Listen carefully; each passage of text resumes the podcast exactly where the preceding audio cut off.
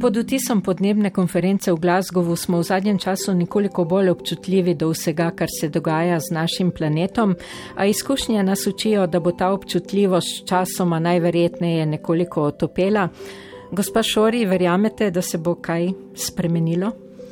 Uh, verjamem, da se bo spremenilo, ampak verjamem, da spremembe po vsej verjetnosti ne bodo prišle od vrha, ampak od spodaj na vzgor, ker uh, ljudje smo le skupina, smo velika masa posameznikov in čisto vsak ima svojimi življenskimi, potrošniškimi navadami vtis na to, kar se na planetu dogaja. Dejansko je ljudi lažje spodbuditi k odgovornemu ravnanju na lokalni ravni, kot pa na globalni. Ne? In to velja seveda tudi za odnos do narave. Zelo si prizadevate za zmanjšanje količine odpadkov, bodi si spodbujanjem ponovne uporabe ali izmenjave predmetov.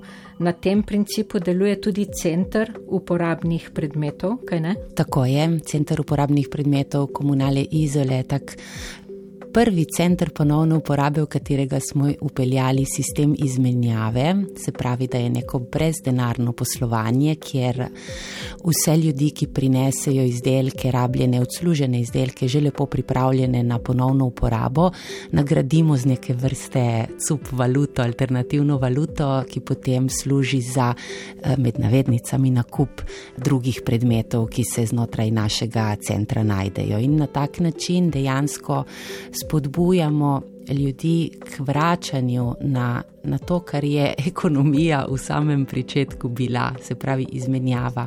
Vsak nekaj ima, to da v skupnost in v zameno lahko nekaj dobi, brez potrebe po, bom rekla, uporabi denarja, krediti, mikrokrediti in tako naprej ta cup valuta je otipljiva, ne gre torej za blagovno menjavo. Ja, ja, ja, gre dejansko za blagovno menjavo. Mi imamo samo tako, kot bom rekla, nek način igre, uh, uporabo enih kupončkov na papirček, namreč uh, zapišemo, koliko imajo ljudje na razpolago teh različnih kupončkov, različnih vrednosti.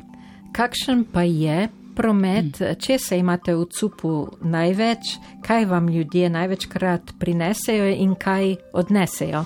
Tako mi spremljamo statistiko in od samega začetka se je nekako naš cup specializiral v oblačilih in modnih dodatkih, tako da beležimo tam 62 odstotkov vseh prinešenih predmetov predstavljajo dejansko tekstil in modni dodatki in prav tako, kar se tiče izdelkov v izhodu, se pravi to, kar ljudje odnašajo, izmenjujejo, lih tako tekstil.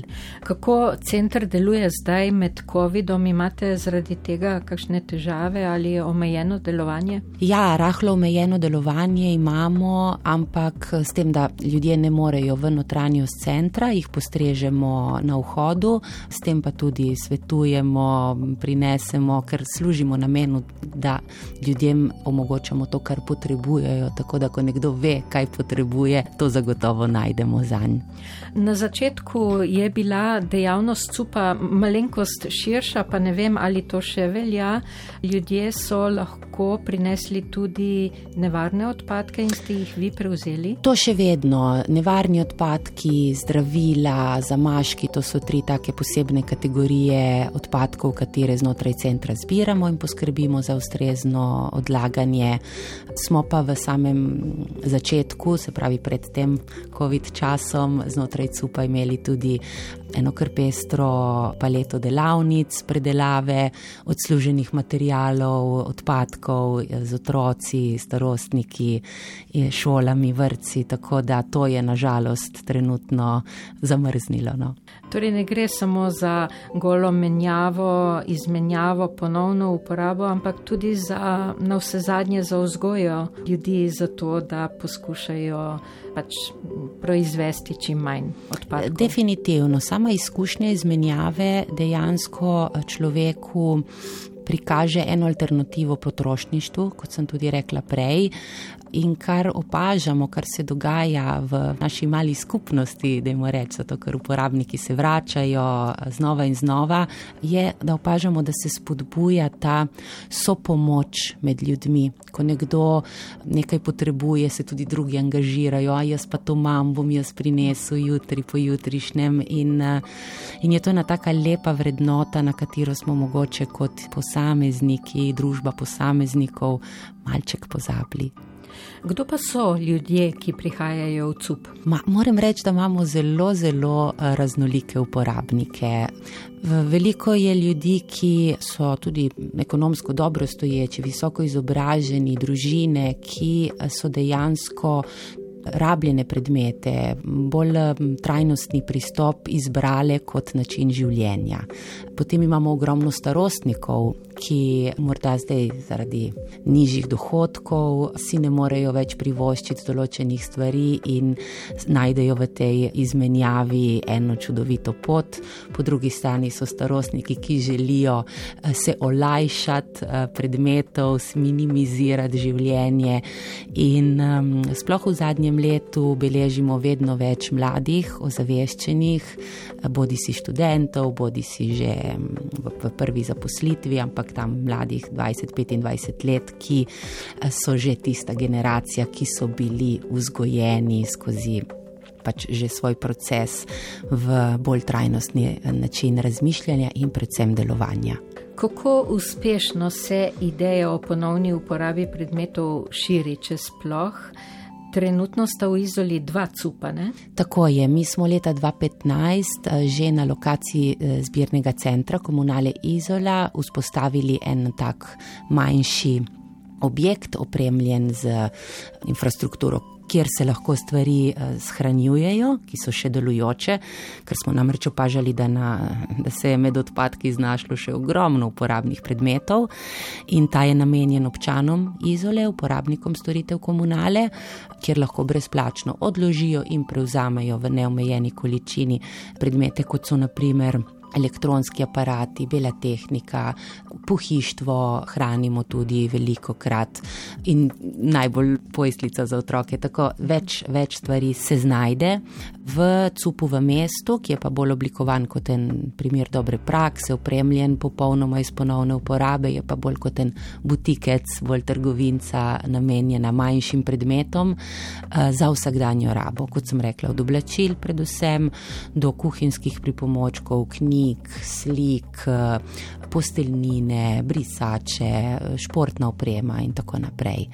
Smo pa v lanskem letu, to še mi je posebej pri srcu vzpostavili pri sosedih na Društvu prijateljev mladine še cup kotiček, ki je namenjen otrokom, otroškim izdelkom, od oblačil do igrač, športne opreme, ki se je zelo, zelo lepo prijel. To je pač institucija namenjena otrokom in eh, tam smo z veliko strasti in zelo malo stroškov opremili eno učilnico v namen tega centrčka in delujejo tudi oni vsak dan po 3-4 ure na dan in beležijo zelo lep obisk in, eh, in veliko izmenjav, kar je bistveno. So pa vašemu vzoru sledili tudi v Piranu? Ja, tudi v Piranu se vzpostavlja soroden center na lokaciji zbirnega centra in verjamem, da bo uporabnikom okolja Piran olajšal življenje. Delujete tudi izven centra, poznamo vas namreč kot pobudnico tako imenovanega svopa ali svopanja na obali. Se s tem še ukvarjate?